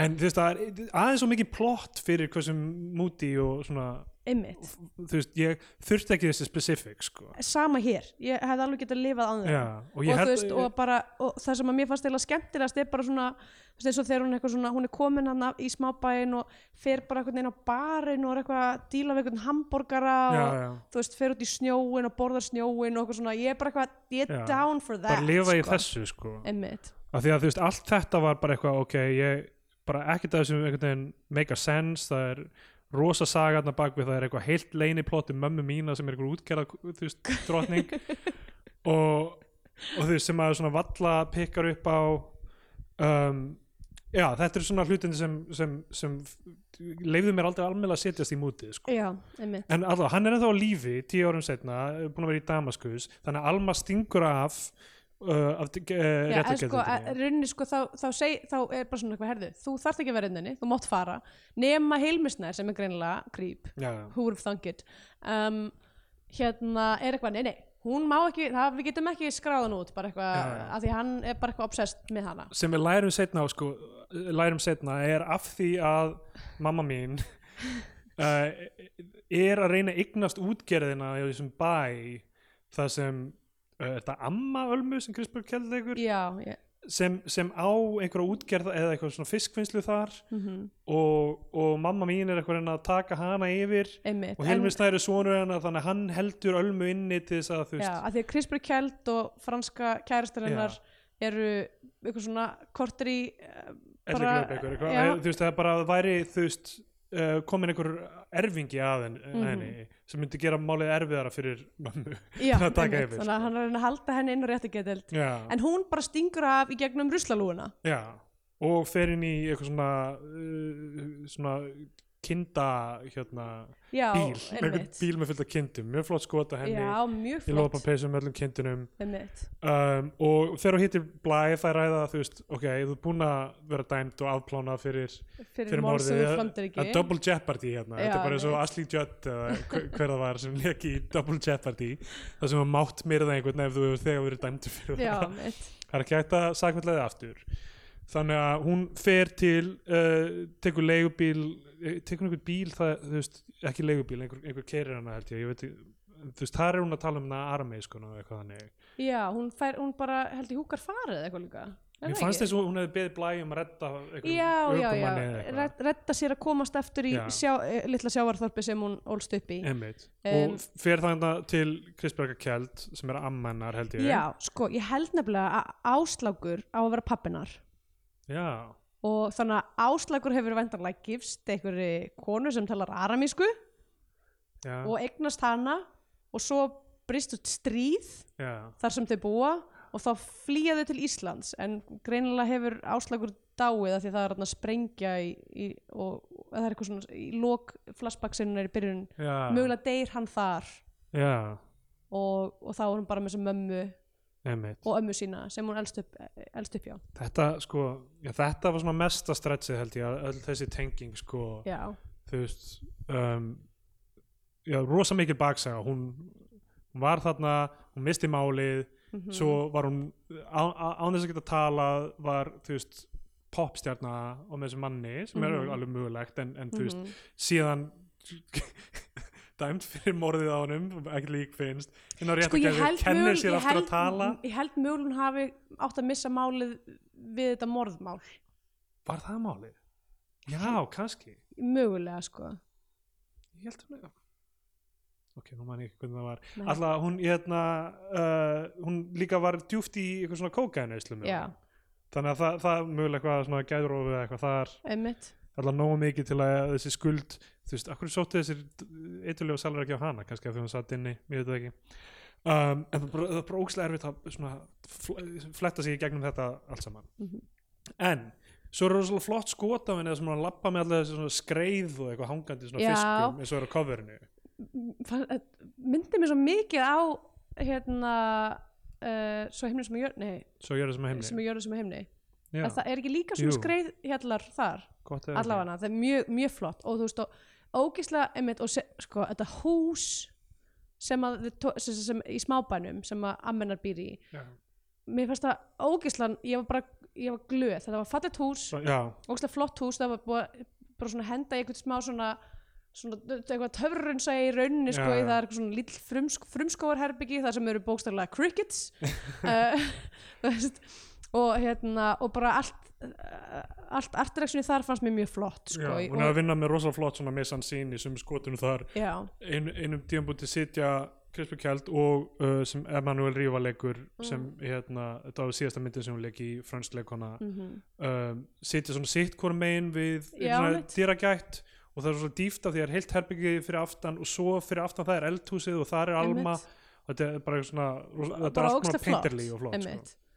Og, og já, mitt, og þar eru náttúrulega allir þessi málverk. Ekki bara hérna út af það hólaferðinu heldur líka í herbyggjurinn Ölmu eru nokkur, nokkur verk. Ég held að sé yes, eitt, ég held eitt af þessum verkum sé nú, nú er sko ég veit það ekki, 20 ára eitthvað sínlega listasögu en hérna, ok ekki 20 ár uh, eitthvað svona 15 ára sínlega listasögu. En hérna uh, eitt af þessum verkum er held ég Jésu en lítur út eins og kona uh, og hún er alltaf að tala við verkin í rauninni, fáum svona sko, það sem hún er eitthvað svona að hugsa sínar hugsanir og horfa verkin og eitthvað allavega, það eru greinilega eitthvað svona listaþengjandi alls Já. ekki, alls ekki útgera drottningar eins og mamma þinn alls ekki. Þær eru alltaf að borða einhvern ógeðfeldan ís. Já. þær eru alltaf að borða ís.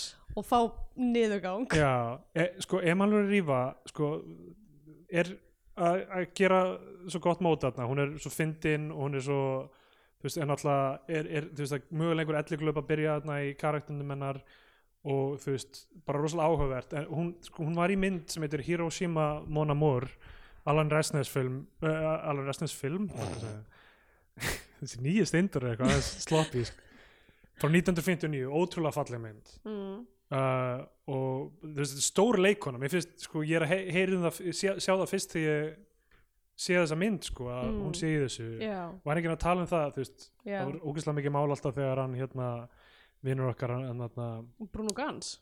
Brú, já, nei, hvað hva heitir hann aftur? Oh, sem var í uh, hérna, kongavegur. Já, hann hérna, Daniel Brühl. Já, Daniel Brühl, já.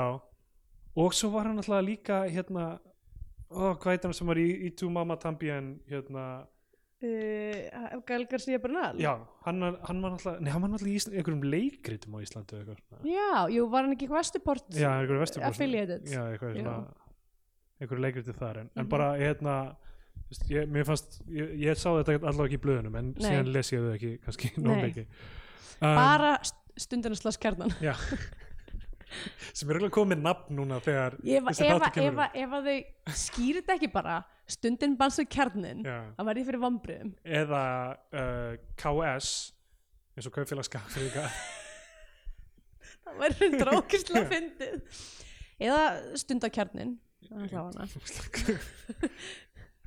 bara, þú veist, hvað akkur má ekki bara gera samstipu? Mér finnst mér finnst ekkert jafn skemmtilegt að segja til dæmis PricewaterhouseCoopers bara því Já, að nákvæmlega. það er bara eitthvað GlaxoSmithKline. nákvæmlega, það er bara eitthvað skemmtilegt þetta þannig að Mm. eiginlega, eiginlega það sem þarf að vera þriðji uh, hérna uh, sjálfstæða fréttamiðlinn þarf að blanda sinn inn í þetta þannig að það séu þrjúnöfn saman Já, eitthvað sem myndar eitt þryggjastafa orð. já, emmitt Það vantar uh, sérhljóðin í þetta. mm. um, sko já, hún fær sér vinnu við að slæja fisk hjá föður uh, Snorra já, sem er emmitt, þrösturlegu emmitt og hún er hérna að slæja fisk eins og hún sé að stinga já, mann sko. emmitt, og þú veist hún er eitthvað svona leikur og æfir að drepa hann og eitthvað þannig. og, hún er hérna með, með hérna um, hvað heitir þetta, flagnýfur nei. Allavega, ég man ekki hvað sem nýfur heitir allavega, hún stelur hún setur hann, sko, mér finnst það mjög fyndið hún var eitthvað svona að klokka út og var eitthvað svona að setja hann mjög lim, limskulega upp í ermina eins og að væri einhver að fylgjast með. en allavega, og sérst að hún er bara eitthvað hún ætlar að drepa hann, hún er bara komin til að drepa mannin tilfring sem við höfum öll fengið. Og Um, uh, já, sko hún er líklega að leita að honum þarna, hún er greinlega vissum að hann verður í þessu þorpi eða eitthvað já, því að fjölskyldan hans er þar og hann, hann sagðist vera að koma aftur landsins já. af hverju var hann að posta einhver á annar, Instagram? annar hlutur þetta var líka svona front-facing video sem voru eiginlega ekki til á þessum tíma sko. Nei, einmitt um, þannig að, ok, whatever sko. iPhone-in var sko nýkomin út. Já, Fyrsti ætla iPhone. hann sé, sé ekki bara eitthvað svona webcam-brot sem er, ég veit ekki, sendi í fjölmiðla eða eitthvað. búið að klippa í svona, svona Já, portréttmót Já, mm. skiptir ekki öll- öllu máli en af Nei. því að við eigum að pæla svona mikið í þessu plotti að það bakvið þá, Já, já, verður það pínu nákvæmlega. Hún, um, hún fer á einhvern svona þetta er einhvern svona bar veitingastæður þar sem Dóra Jóhans er að afgreða mat. Já, það enn önnur kollan. Já, hún er með kollu Snorri er alltaf eitthvað svona í bakgrunni, er er þetta að vera ímyndanir að þetta vera raunverulegt að hann sé því einhvern tíma kemur hann alveg til hennar og Já, eins og hann sé að vinna þarna. Og svo, og svo dansar hún við lag á veitingastænum högnalag. Já, ég verð að segja eins og er að mér fannst heldur mikið af tónlist Já, í atriðum þar sem að mér fannst það bara taka frá þú veist, tónlistin var fín. Það var ekki það, það, það var ekki það. Það var bara, hún var bara of- of víða í já, rauninni, já, þú veist, Já, actioni það fekk rétt, oft ekki að- vera í friði fyrir tónlistinni. Já, þú veist, eins og allt atriði þar sem hún er að hérna uh, í þessu, þarna, uh, therapy-sessjoni með Hilmi þar sem hún er að fara í gegnum þetta traumatíska dæmi uh, þar er bara eitthvað gítargull undir já, já. og þú veist, eða, eða, eða, eða jafnvel strengir allavega, það var svona bara, það var bara alveg að taka fókusinn frá því sem var að gerast, það pínupyrrandi einmitt. Um, allavega, hún dansar þarna við lag eftir, eftir hann höfna svo, svo sko sem er alltaf veitingastað- 2009 í hjaltalínu eða eitthvað. Já, í hjaltalínu bara eitthvað hjaltalínu bara eitthvað að byrja þá sko Já, hljóta hafi Nei, örgulega komið út allavega Sleep Drunk Seasons eða eitthvað mm, fyrsta plata Sko, hún er bara svona ekki hún er svona anakronistisk þessi mynd á mörgu leiti um, Mm. en hérna já, hann byrti sem sagt og gefur henni trufflur það eru þessar trufflur sem já, sem hann hefði alltaf verið að búa Já. til handinni manstu ekki, ég var hérna um helgina og þú gafst okkur trufflur já, og varstu búin að horfa á myndina þá eða? Og því að Kristjana var eitthvað að þið getur nú aldrei talað um trufflur og því að Kristjana horfði með mér á já.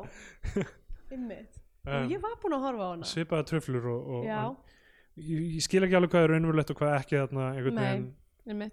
um, en já, svo þegar hún loksins sér hann þarna, þá er það utan dýra og þá grípur hún svona fyrir augun sín og gerir svona eins og, eins og hérna, live long and prosper með puttunum já, já, til að gæjast uh, og sjá hann. Mhm. Uh, og hún tekur hnífin og er- ætlar að drepa hann en bara stingur við hliðan á honum getur ekki stungið hann og hleypur um og hrópar ég er ekki morðingi, ég er ekki morðingi. Já, þannig að hún nær að vinna úr í rauninni á einhvern hátt þessu um, já, en svo, en sko svo hittast þau aftur, það er einhver stormur þar sem þau tala saman. Mm og hann er, mjög fyndi, hann talar um þú veist, hvernig hann bara prósessa sektakendina fyrir það sem hann gerði. Mm svo skrít, ef hann er komin til Damaskus akkur ekki að senda bara eitthvað e-mail, ég er ennþá á lífi engar ég áhyggjur. er í Damaskus. Já, eða, sleppi- eða, sleppa ég bara að segja ég er í Damaskus bara, já, ég, ég, er á á lífi, sleppið henni, ég er á lífi.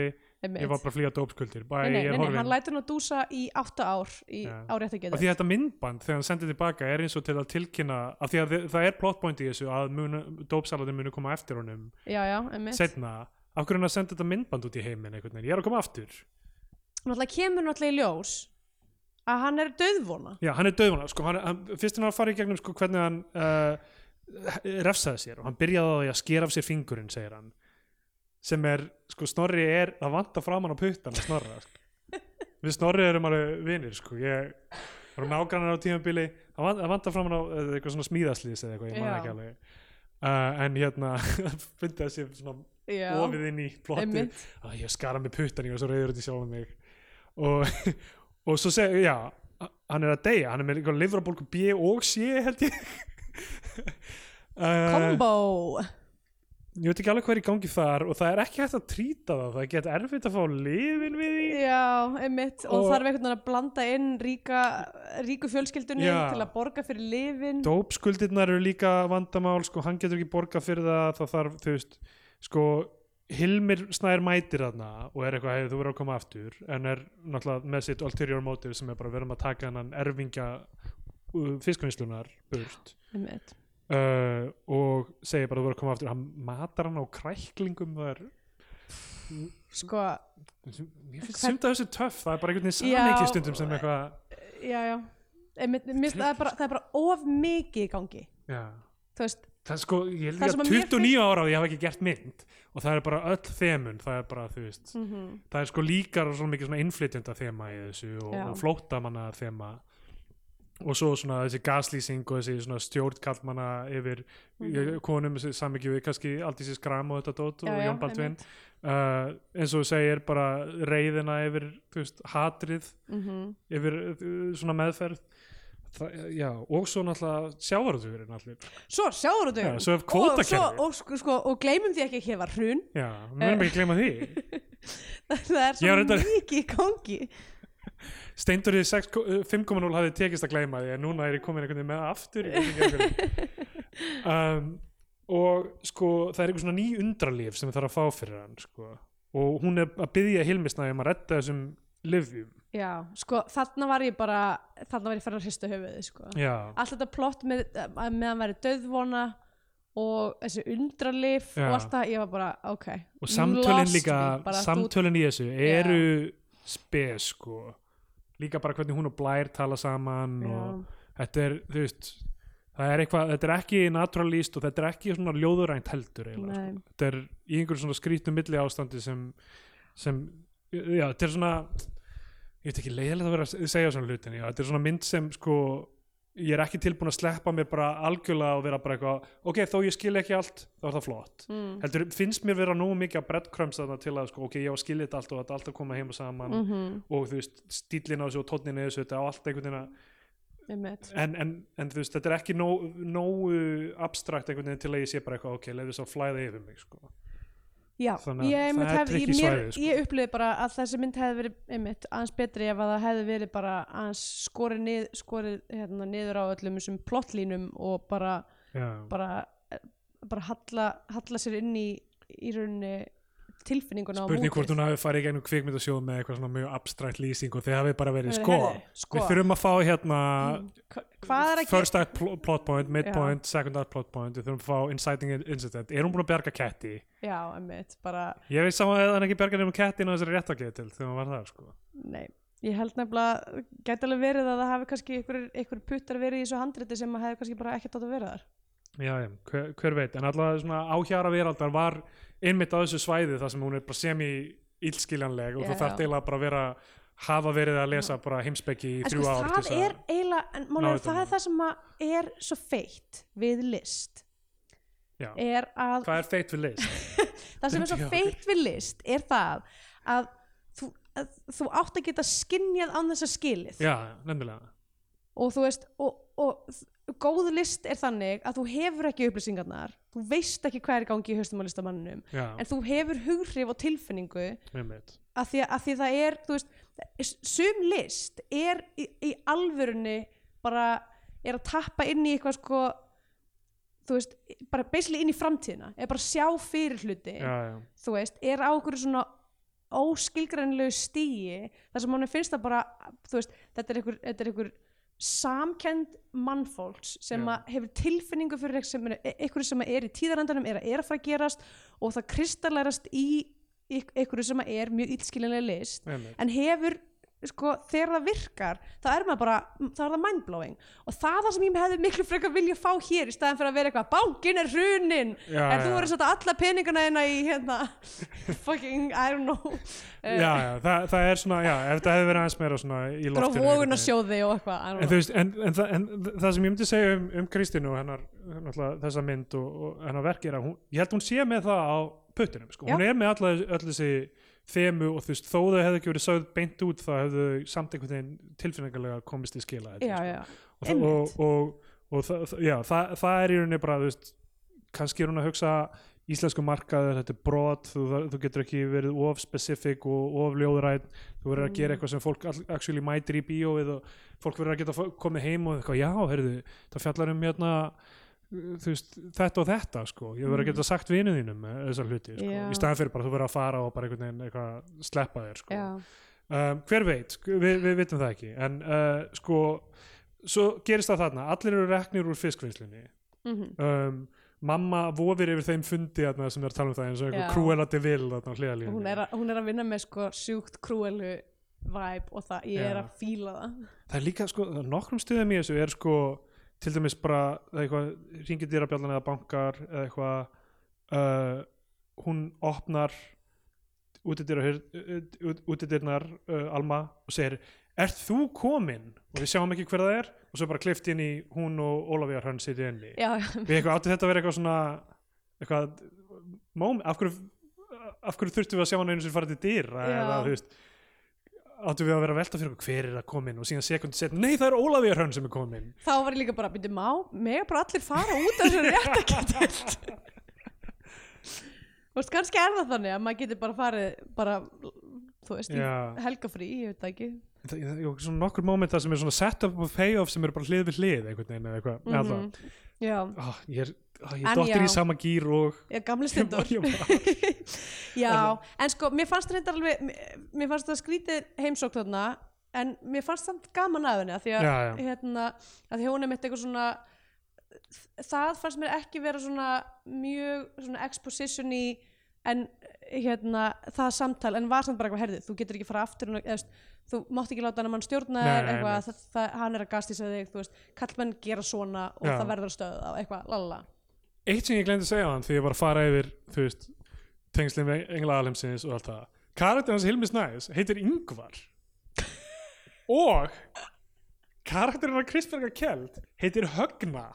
Vá, þetta er, svona, þetta er eins og eitthvað svona endurinn á Usual Suspects sko. hún er að skrifa handritin í herbyggum og bara uh, Högna, ok. Kobayashi, ok. Já. Um, ok og svo þú veist uh, Sko hún fer frá því að vilja drepa hann yfir að reyna bjargunum já. En svo, kemur, svo finnur hún bara döðan í brekku. Já, hann er döður í brekku, hann er búin að mynda engil englar alheimsins, búin að mynda engil í snjónum. Mm hún borðar spá snjó uh, svo kemur eitthvað fólk og dregur líkið í burtu. Hann hefur hans basically fór bara og draf sjálfan sig. Já. Og uh, mamma ha- hans tekur, tekur já, mamma hans tekur hnífin af henni. Mm -hmm. Uh, hva, já, hvað var þetta með það? Um, Já, sem sagt hérna, hún fer, það er, það er uh, ég veit ekki hvað þetta, líkvaka, nei, hérna, kistulagning, ekki styrlagning, já. Uh, þar sem fjölskyldan er þarna og hérna, og mamman, mamma hans, sem sagt, sem að ég man ekki hver Já, leikur, ó, nú, ég man ekki nafnið hennar. Ég er að klúra því, sorry. en mjög, það var mjög tilfinnilega sorg sem að, hérna, hún tók, tók svona öskurkast sem var rosalegt. Um, hún, já þau eru þarna að syrgja og svo kemur hún uh, upp í herbyrgi til Ölmu og það er eitthvað að tala aðeins saman uh, og þá sem sagt tekur hún slæðinga hnífin já, já, og setur hann aftur upp í ermin og sér. Einmitt. Og, og já, þarna sko er Hilmi Snær uh, going nuts, skilur, er búin að vera að æpa á Kristbjörgu Kjeld og, og Emanuel eitthvað, Mhm. hérna þið verðið bara að leifa okkur að taka við þessu og uh, og hérna vill taka ölmu suður, talar ítlum bæ og talar rosa ítlum, hann er ekkert mjög taktísk um neitt af þessu. Nei, hann er, Hann veit ekki hvað hann er að hann gera, er sko. algjör, hann er algjör dúfus. Uh, hann yngvar og um, og hann uh, sagt, já, vill fá hana suður en Alma segir hérni frá stjórna ég eigin lífi. Og, uh, og svo er þetta atriða sem um, já, sem sagt, kemur í ljós að Alma mun erfa reksturinn. Mm já, hann gefur henni blóðuga kjólinn frá, frá Já, Uh, hann er, að reyna, hann er að reyna að tryggja hana. Já, hann er, já, einmitt. Þess að því það annað plot point sem að var í bakgrununum er að, um, er að mamma hennar var mjög oft að fara til Reykjavíkur að bara sofa hjá okkur um random mönnum. Einmitt, uh, þegar Alma var lítil. Og ein, einn af þeim mönnum var engin annar en yngvar uh, Hilmisnær og einhver luta vegna er hann með hann blóðuga kjól frá já. Uh, sem er kjóllin sem hún var klædd í sem barn þegar að faðurinnar var drepinn. Já, ok. Um, og já, og hann semst er með hann kjól einhver hluta vegna og hérna og er bara svona að óta um í henni til þess að reyna svona, fyrir framan alla einhvern veginn, þetta er svo til þess að reyna bara að koma henni aftur í gæðróf heldur sko og hún fær flashback aftur í þetta tíma, mm. tíma og Hilmir Snær æpir ég á þig skilur það Te subtext verður text rosalega mikið hann í lokin sko. Mhm. Um, og þá ke- kemur þess að uh, mamma uh, Kartins hans Snorra og, og drefur hann með, með hnífnum Já. right. já. Um, og það speglar dauða uh, hérna, áslags í byrjuninni fiðluleikarans mm. um, það er svona klift fram og tilbaka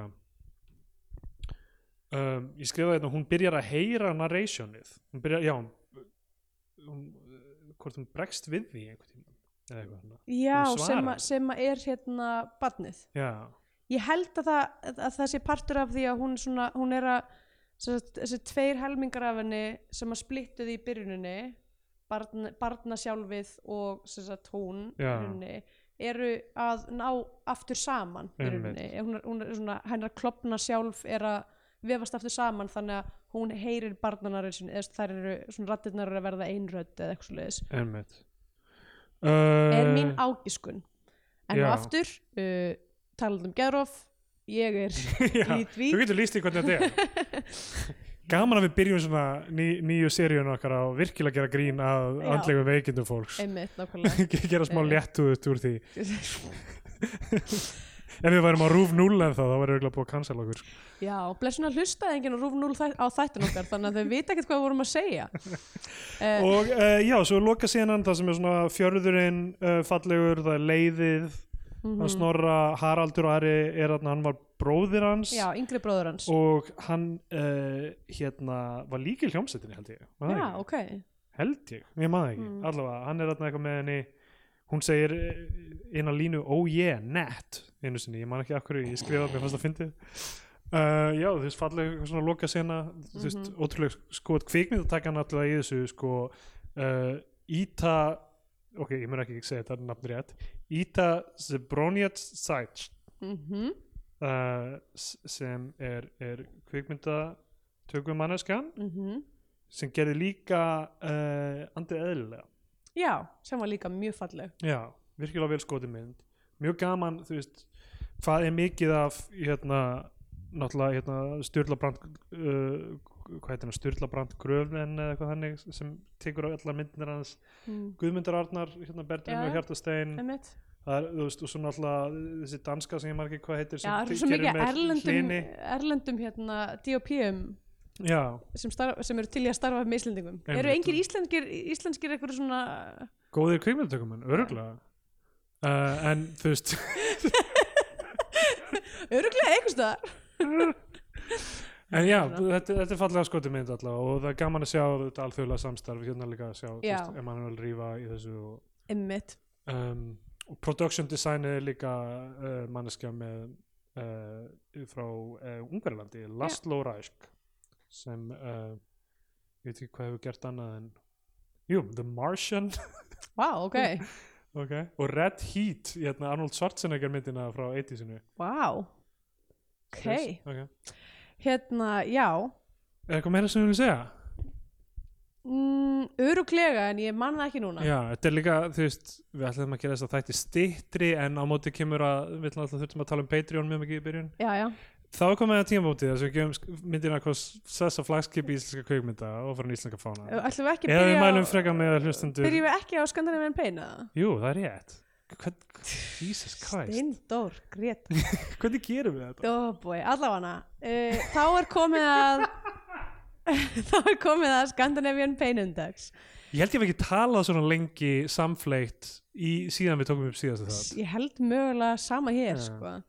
hérna, Scandinavian Pain uh, þetta er, myndi ég segja Scandinavian Pain negla uh, sterk opnun á endurkomi. Sko. Rosalegt. opnun alltaf á þessu PTSD sequenci þarna beint inn á réttargeðdeild. Við erum að tala um morð, geðveiki, tráma atburðir fortíðar um, og svo, við, og svo sko svo, það er bara eitt kapli Já, já. svo fyrir við verið í smábæjardra lí- líka þú veist í þeim kabla er þau sko náttúrulega uh, svona kerfið að vinna á móti manni einhvern veginn uh, spillingin í í, í, smá, geðhelbriðiskerfinu sko.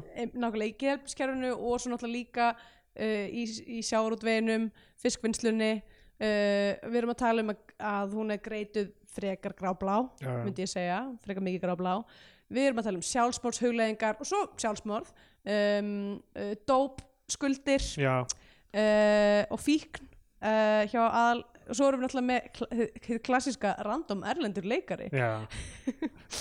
Kvílík Scandinavian Pain. Nei, ja, þú veist, í rauninni svona í svona klassískri já, uh, svona klassíst svona íslenskt eitthvað við fengum uh, Evrópustyrk. Og uh, svo náttúrulega er líka gerist allt svona hápundu dramasins gerist í svo óveðri. Já. Það sem einhver segir að það sé ekki hund út, út hérna sígandi útsígandi já, uh, sem er mjög svona klassíst og náttúrulega einhver já, mjög mikil sko vísin, þessi, þessi snjór engill þarna já, líka smá myndi mig á endan á, á 100 Reykjavík. Þar sem hann hérna, fer upp á esjuna eða eitthvað og liggur í snjónum. Þetta fellur alltaf ná sjálft sig þessi en alltaf íslenska kvikmyndagerð. En allavega ég myndi segja að þetta sé nokkuð hérna sterk Scandinavian Pain Já. mynd. Ég, og hvernig var það aftur sem við dæmdu? Já, ég þú veist uh, nýju skálar af nýju ógæsliðum hvítum ís. Ok, sem ætla gefur manni niðurgang. Mér hefst gaman að það var að tala þessum niðurgang, það var fínt. Já, mér finnst það, það skemmtilegt lítið, lítið hérna Sojourn Hmm.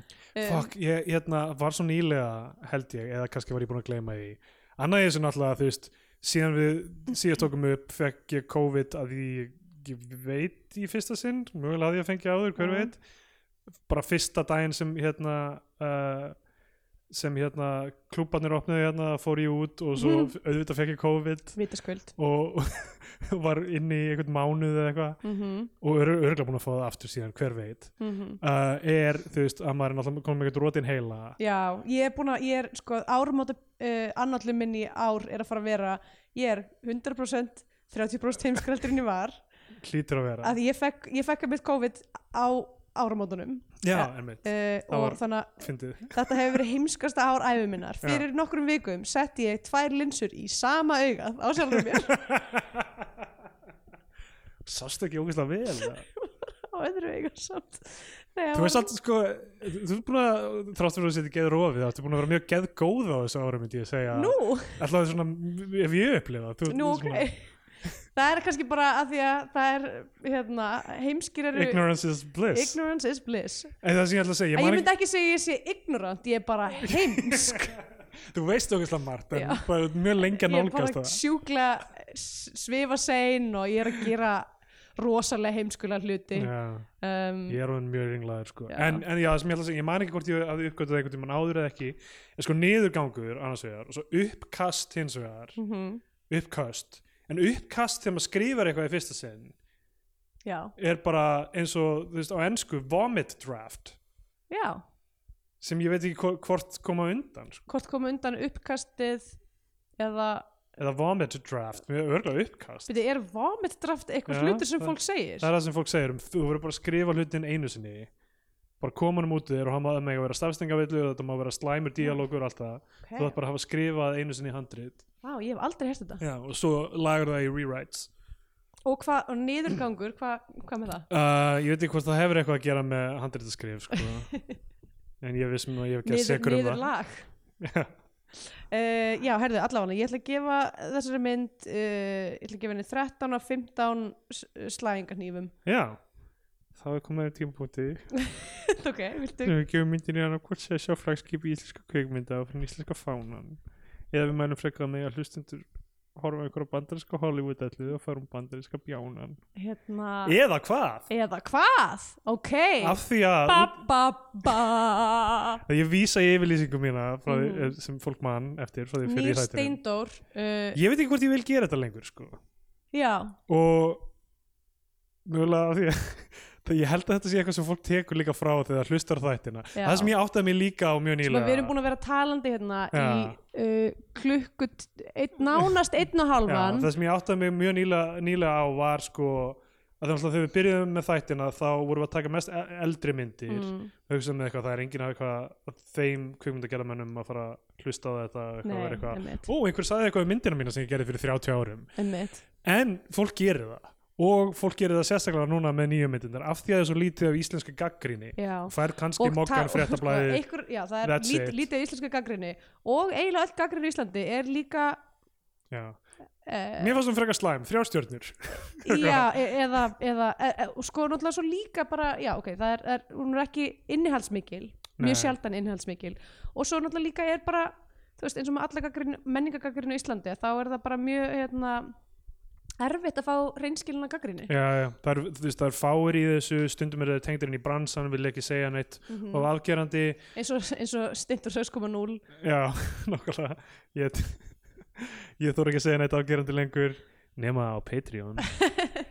Uh, og Uh, já, og líka bara stundum er fengi bara, það er bara fengin einhver sumablaða maður í þetta sem bara eitthvað, hei, ég, ég gýra þér að sk- skrifa þetta. Já, já, eitthvað, ég fíla bíómyndir, eitthvað, whatever en fólk hlustar á þetta og fólk, þú veist, almennt er búið að vera mjög jákvætt þegar við, við tölum við kvikmyndagerðamenn mm. Mhm, uh, en ég held að sé mjög svona, svona reductive, svo maður sletti að, mhm. að segja, þú veist annarkvort á þessi mynd einhvern veginn rétt á sér sem íslensk kvikmynd eða, eða þú veist, þú átt frekar að horfa á Hollywood-rast ekki það að þetta sé eitthvað stórmál þetta er ekkert eitthvað sem hvílir þannig sé á mér en er þetta gaglegt, er þetta er, erum við að halda flagskipinu? Og Það sem, að, það, það, það sem að þú vilt gera er að sökva flagskipinu. Já, það er spurningin. Ætlum við að sökva flagskipinu Já, eða ekki? Og hvað verður um bátir sem Curiosity kjánandir eru á sem flýtur fyrir hérna? þeir, þeir eru svona eins og í endan á Titanic svona, bara einhvers þar í Flautandi myrkrinu eitthvað. eigum að snúa við og reyna að grípa,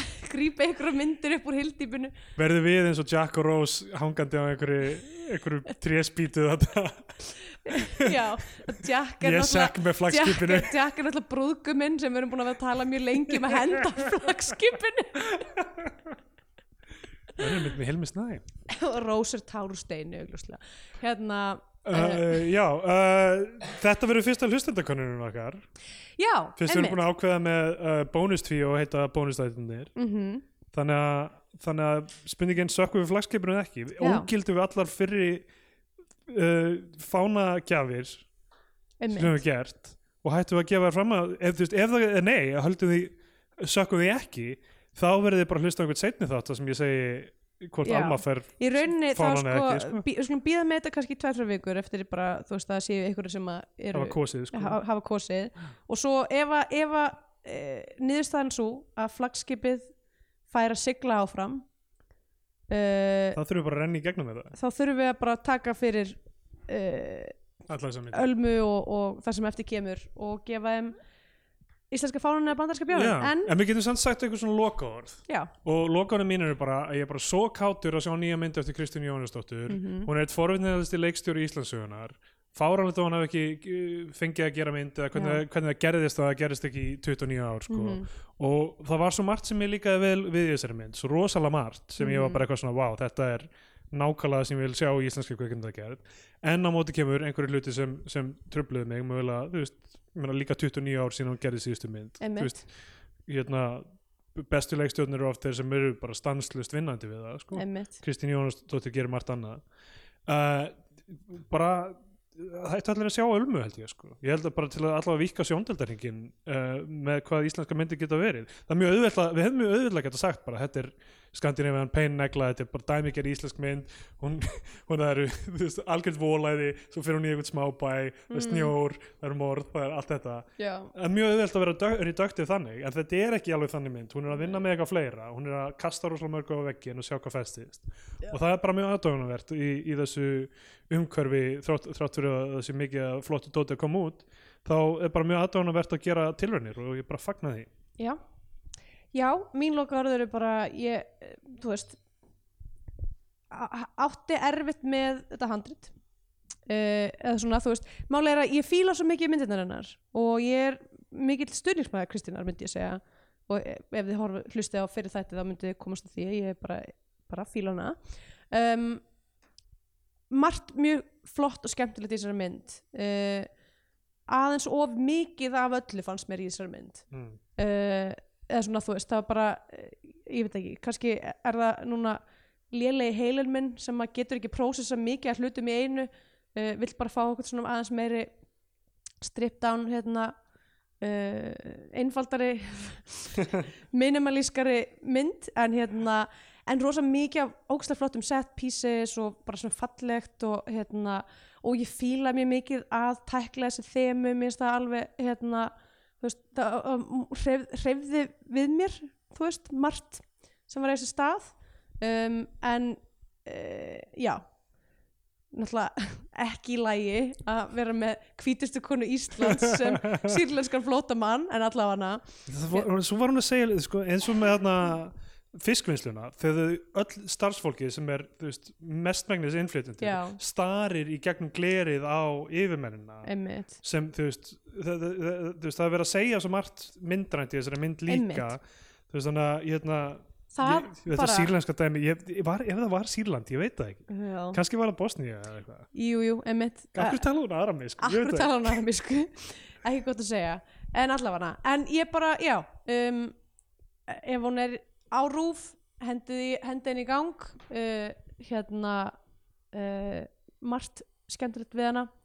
Uh, já, bara við verðum bara að komast að hva, hva, Já, hvort, hún, hvort hún fer á flagskipið eða hildýpið Já. ef, ef að það er að kemur en hérna en allavega uh, mjög gaman að tala um hann líka. Já, og þú veist, því meira einmitt eitthvað svona sem maður fer fram og tilbaka því meira, fær, þú veist, það er rosa mikið substans í já, henni. já, algjörlega um, þannig já, bara mjög skemmtilegt. Frábært, við erum komin aftur. Bíó2 er komin aftur. 2 is back Þáttur baby. 218 fuck. Fuck. Gleðilegt 2023 já, um, með við minnum á Patreon það kemur einhver stinger í lokina sem, sem segir ykkur allt með það. Já, einmitt. En uh, er eitthvað sem uh, þú vilt segja lókamandriða? um, Herri já, fyrsti þátturinn á Patreon kannski segja hvað það er? Já, Oxmá-plánetan. Heyrðu, já, við ætlum að horfa á Oxma-plánutuna Hefur einhver séð Oxmá-plánetuna? Öruglega enginn hefur séð Oxma-plánutuna en, uh, en þið getið upplefað Oxma-plánutuna í gegnum okkur uh, fyrir aðeins 9 dollara á mánu og ég mun segja allt sem mér finnst um íslenska gera menn. Steindor 5.0 verður, uh, verður í, í, í Pa- Patreon þættinum þannig að uh, vonandi sjáumst við bara á Patreon Til að styðja við Bíotvíó og fá auka þætti í hverju viku farið á patreon.com skástrík Bíotvíó Svo væri ekki að ef þið myndi gefa ykkur svona stjörnir og þannig á Apple eða Spotify eða hvað sem þið hlustið á hlaðverk það hjálpar víst öðrum að heyra frá Bíotvíó höldum við þannig að uh, þannig virkar algoritminn eins bestu við skiljum það allavega. Takk! Í bónus tvíó, auka þætti Bíó tvíó þessa vikuna, er til umfjöllunar stuttmyndin Oxmá plánetan í leikstjórn Óskars Jónassonar.